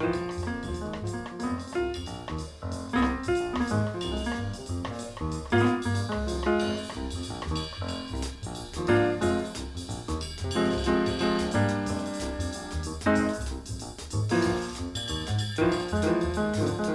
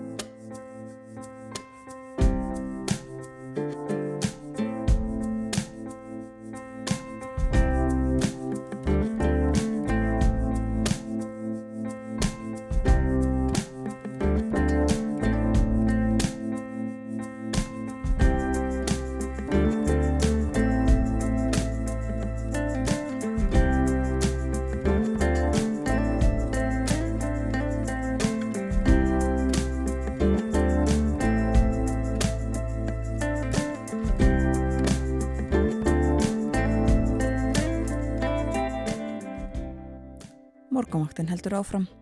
Síðastu hluti þáttarins framöndan. Klukkan orðin rúmlega hálf nýju, þannig 50. morgun. Og það er mildur morgun viðast hvar um landið en vaksandi sunnanátt í kortunum vestan og sunnanlands. Þar fyrir líka regna, en hægara vindur og bjart viðri um landið norðaustanvert og hitin alltaf 16 stegum. Hljóma bara eins og rjóma blíða. Já, ég skrunaði svona aðeins yfir og mér syndist vera 15 stegi hiti í Ásbyrgi til dæmis, setni partin í dag. Stutt busna viður. Já. Mm. En á morgun svo söðlega 8 3 til 10 metrar á sekundu, þá verður orðið kvassara austan til á landinu fram eftir degi. Rigning með köplum, engum söðaustanlands og hitin breytis lítið. Sveipa viður svo á laugadag, regning, svo litir vindur og hiti 6 til 12 stygg en svo kólunar á sunnudag til skamstíma. Það var næsta máli á dagskrá. Danir kunna vist ekki lengur að nota kommu í rittmáli. Kommusetningin hefur eitthvað skólast til og við því hafa yfirvöld brúðist og bjóða nú fólki á námskeið í kommunni. Borgþór Argrímsson saði okkur frá þessu í rappið um dönsk málefni í gerð. En hver allir staða kommunar í íslensku rittmáli sé? Hér er Jóhannes B. Sigdriksson, íslensku fræðingur, rannsóknadósend við Árnarstofnun og hann hefur einni með höndum rittstjórn stafsetningar orðabókarinnar. Velkomin til okkar á morgumvaktina. Já, takk fyrir það. Áður við tölum um uh, kommuna í íslenskunni, hefur kynntir eitthvað þetta mál í Danmarku? Ég, ég hef ekki kynnt mér þetta mikið. Ég skoða aðeins þessa síðu og þetta, þetta framtak Dana sem að að hlifta stokkunum bara fyrir nokkrum dögum.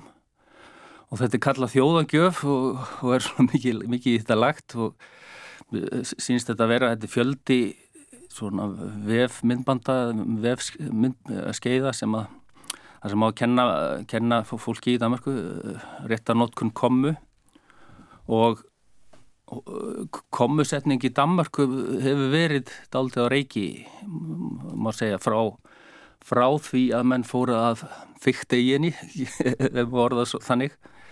Því að uh, 1996 þá, þá voru settar uh, nýja reglur um, um komu menn voru orðin leiðir á þessari svona málfræði komunni gömlu þar sem var sett komu undan flestum aukasetningum.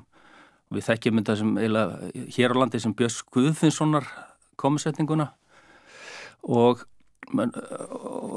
fylgir henni að það er mjög mikið af komum sko, það er undan næstu öllum aukasetningum.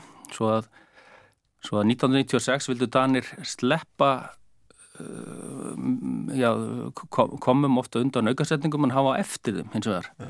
og þetta var kallað, kallað ný komma. Og átt að leysa hinn að hólmi en, en það voru margir íhaldsmenn í Danmarku sem voru á móti þessu og, og þá, þá var til eiginlega svona kommakríg, komustríð í Danmarku í, sem var í svona áratug.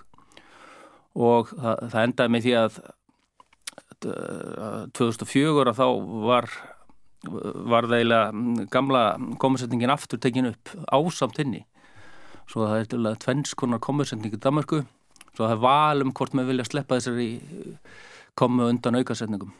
Svo að og það er, það er staðan ennþá og þetta er auðvitað alltaf rugglinslegt, það er oft ekki gott e, e, í greinamerkjasetningu og stafsendingu hafa mikið valkvæði, fólk vill hafa skýra línur og þetta hefur valdið smá rugglingi í Damörku virðist vera. Og nú, nú er þetta framtak málnöndarinnar og, og háskóla hann úti að, að að skýra nótkunn þessar uh, val, val, uh, valkvæðu komu í svona námskeiðum og við, við þurftum auðvitað kannski að gera þetta líka hér og það hér er auðvitað ekki heldur komurreglur alveg ljó, eða, ekki ljósar í huga, huga, huga fólks. Nei, ætlunin er að reyna að skýra regluna núna. Já, í, í Danmarku, sko, já, reyna svona að festa í sessi. Þetta hefur verið doldið á reiki og, og mikið skrifum hundi blöðum í Danmarku, bara alveg frá, frá því að þessi nýja komaðu tekin upp og, og þetta sýnir einmitt hvað breytingar í stafsningu og greinamarkiðsetningu, það er verða að vera doldið vel útvöksaðar. Akkurat. Hvað er um komuna í íslenskunni að segja? Kunnum við almeinlega að nota hana? Nei, það er valla hægt að segja það. Það eru, það eru fáir eh, mjög fáið sem fylgja alveg reglunum um hana. Núverenda reglur um greinamerkjasetningu eru frá 2018 en það eru svona í grunninn svipaðar og, og greinamerkja reglur frá 1974 en þá var þessi stóra breyting, bara svipu breyting og var í Danmarku þá hættum en með þessa málfræði komu og Björns Guðfundsson á komuna og en það, því hefur hins að fyllt að það fækkaði mjög komum og mig grunar að margir haldi að það sé runni bara valkvæði í þessu og valfjálst hvort með noti komu sko, og, og margir margir nota hann svona eftir beheg eins og þetta er í dönsku. En það er ekki þannig, það eru skýra reglur um hvernig er á notan og hvernig er ekki Jú, og það, það eru uh, skýra reglur. Grundvallarreglan er að að, að annarkvort eru setningatengdar saman með komu eða eða samtengingu. En svo er önnur aðalreglaðurinni að, að, að svona innskotsetningar að ef, ef þær eru svona við för með sér einhver svona auka merkingu sem tengist ekki sem er ekki nöðsileg til þess að aðalsetningin skiljist þá er afmarka þær með, með komum og þetta er held ég, þetta vita ekki allir og, en, en þetta, er, þetta er mjög gaglegt til þess að svona afmarka svona auka efni sem, sem er ekki nöðsynlegt til þess, að, til þess að skilja málið. Þurfum við ekki Jónis að taka dæmi til þess að skýra þetta?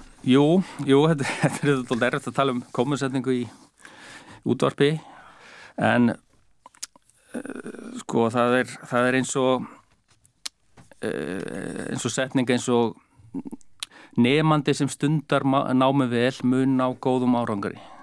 Þarna er innskotsetning sem stundar námi vel og þannig er þann er nöðusilegt fyrir merkingu allra málskrænanar að, að, að hafa hana með og þá þess vegna ekki komur utanum sem stundar námið. Þá er þetta nefandi sem stundar námið vel mun á góðum árangri. En hins vegar uh, er hugsanlegt að, bæta við um, setningum uh, eins og uh, þingmenn kjördæmisins sem fengu bóðsmiða kom á síninguna og uh, þetta er þá, sagt, merkingi væri þarna þá þingmenn kjördæmisins kom á síninguna en þeir fengu allir bóðsmiða þetta er svona auka, auka það er ekki aðladrið þegar það fengi bóðsmiða heldur að þeir hafi komið á síninguna Og þarna höfðu komur? Þarna höfðu komur, já, í þessu setna tilviki já. en í fyrra eru er það ekki næsulegar en uh, svo eru þetta komur svona, svona með auðvitað ímsu svona ímsum öðrum stöðum en þetta er svona aðal aðalreglunar um það er. Já, og þetta er svolítið snúið kannski vegna þess að, að sko í báðum þessum dæmum að þá er sem þarna inn í setningunum. Já, einmitt. Sem er oft er samtenging sem að sem er oft í svona einskotsetningum auðvitað og og þarf stundum komu með og stundum ekki. Já, og það var þessi breytingarunni 2018, það var svona ger, gerðu, gerðu greinamunum þá á því hvort það verður nöðsynlegar auka upplýsingar sem verður skotið inn eða ekki mm. og þetta ætti að leiða til þess hugsanlega að fækkaði enn frekar komum en, en það það er eiga að vera hana samt. En má gera fleiri komur en færri eins og í fyrra dæminu sem þú nefndir verður rámt að hafa komunar með?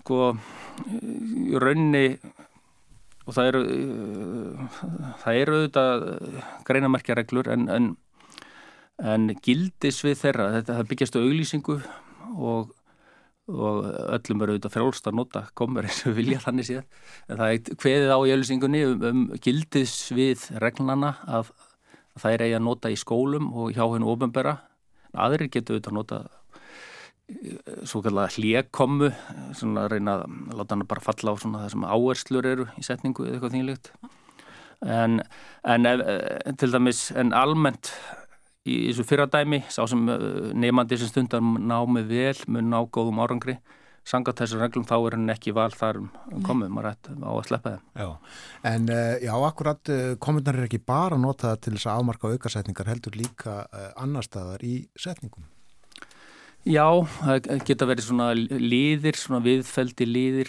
uh, eins og hann að eða bara uh, svona til þess að afmarka svona starfsheiti uh, það eru nokkur orð. Til dæmis Agnes biskup Íslands og, og nágrænis eitthvað þýlitt, þá er þetta maður að hafa komið undan því, þetta er svona viðfeldu líður það er svona löng starfsheiti en ef það er bara eitt, eitt orð eða tvö eins og Agnes biskup þá ætti ekki að vera að koma Nei. þetta er svona lengri liðir Já.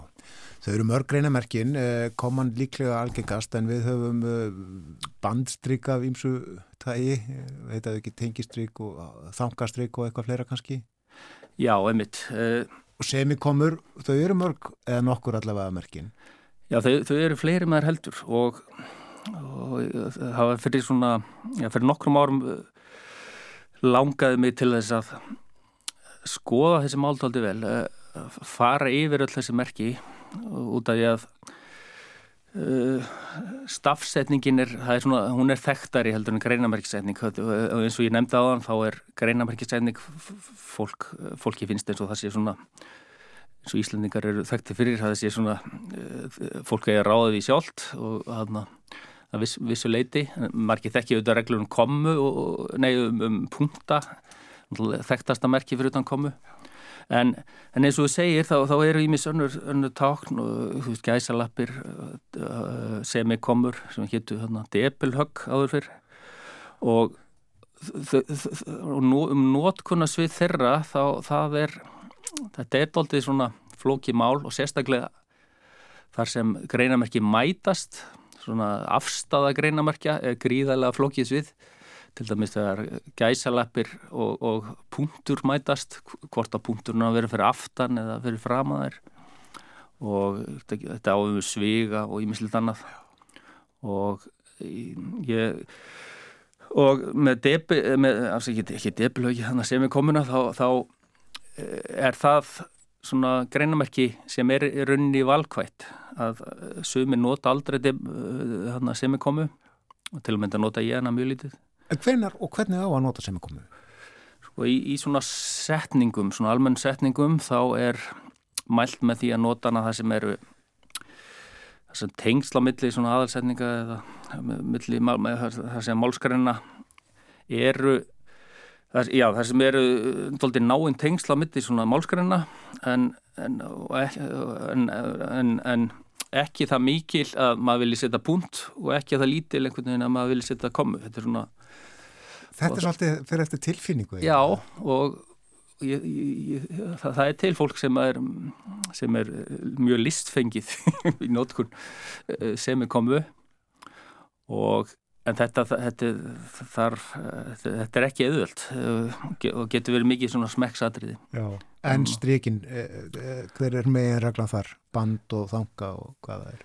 Já, það er mitt aðrið þetta er það fyrsta sem ég fór að skoða og ég skrifaði 15 blassina greinum um strík fyrir 2016 og það eru sagt, það væri hægt að hafa þrennskunar strík uh, maður, og það er til, til að mynda hefð í, í, í svona ennsku málsvæði sumstaðar þá er það þessi stuttu band, band, bönd eða bandstrík sem, sem eru sömu stríkin og með orðum með skipt og líka þegar eru svona tengt í svona eins og norður Ísaf eða eitthvað þínlíkt, tengir liði.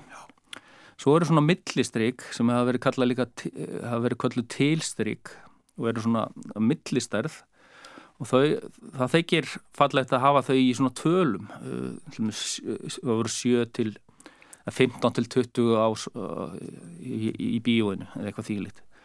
Þetta er svona greinilega, greinilega stryk.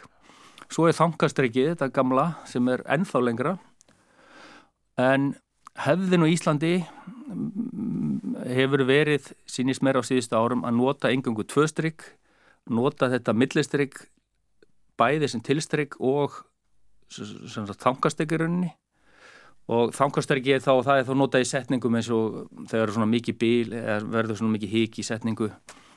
Hann var, hann var góður skákmaður þangastrygg eða á, eða á árum áður eða eitthvað, svona, mikið svona meir, meira heikisetningu eða meiri áhersla heldur en ef maður notar uh, einhver önnur greinamerki. Einmitt, uh, akkurat. En mörgum þykir uh, nægi að nota og enn eitt strikið, uh, eru þetta skástrikið? Já, einmitt.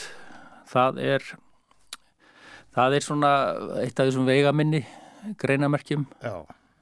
Og uh, það er það er uh, svo sem ekki mjög mikið notað, það er til dæmis í svona hlutföllum eða, eða, í, eða í svona vali eins og menn þekkja og eða getur notað og það sem kannski ekki mælt með því Þa, það er nú líklega uh, greinamerki sem er notað hvað réttast ef það ekki oftast notað rétt þegar það er notað.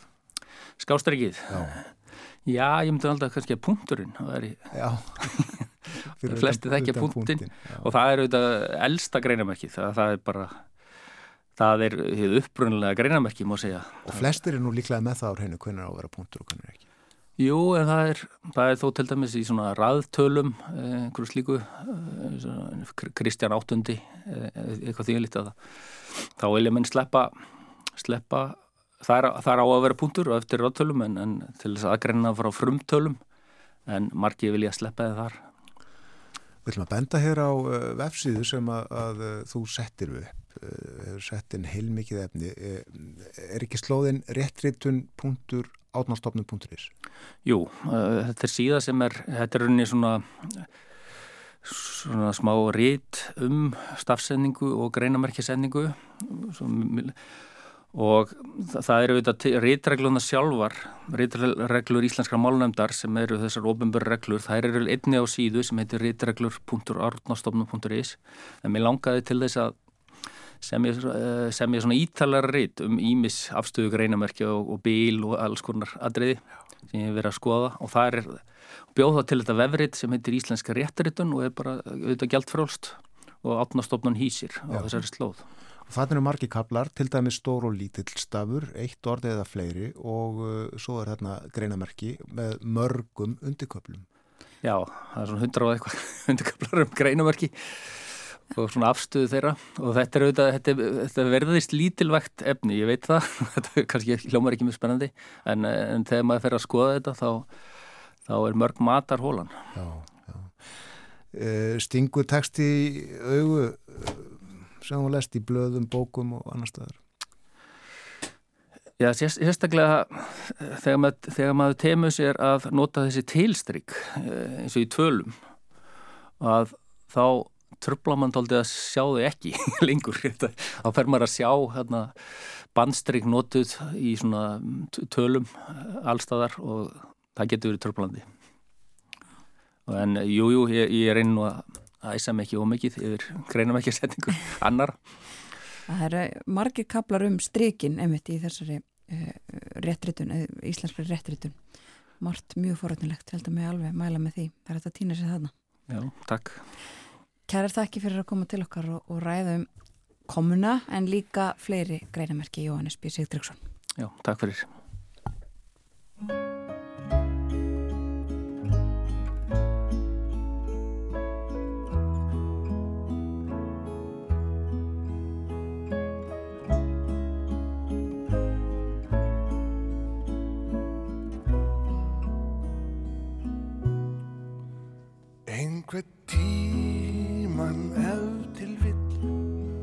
Óra langt frá þessum stað. Mun ástinn hörfa heim til þín og hjartan styrum knýja að. Og innmitt þá og innmitt þar mun ástinn krefja þig um svar. Og þá er rétt að rifja upp orðin mín. Þau eru styrð þau eru fá þau sjálfsagt aldrei flugin á. Þau munu engað síður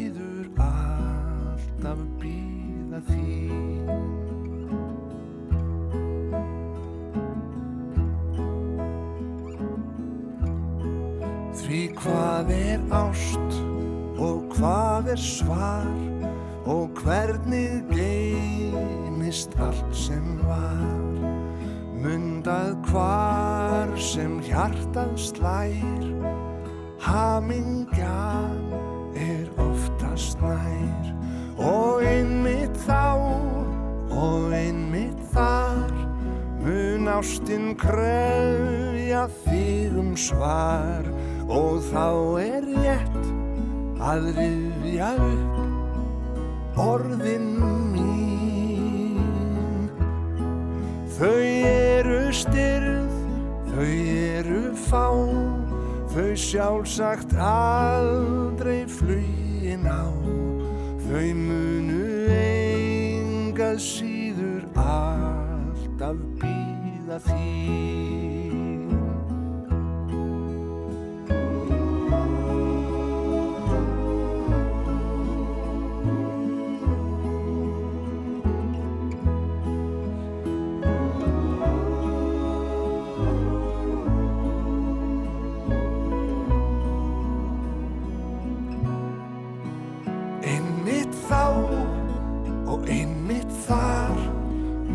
mun ástinn krefja þig um svar og þá er rétt að rifja upp orðin mín. Þau eru styrð þau eru fá þau sjálfsagt aldrei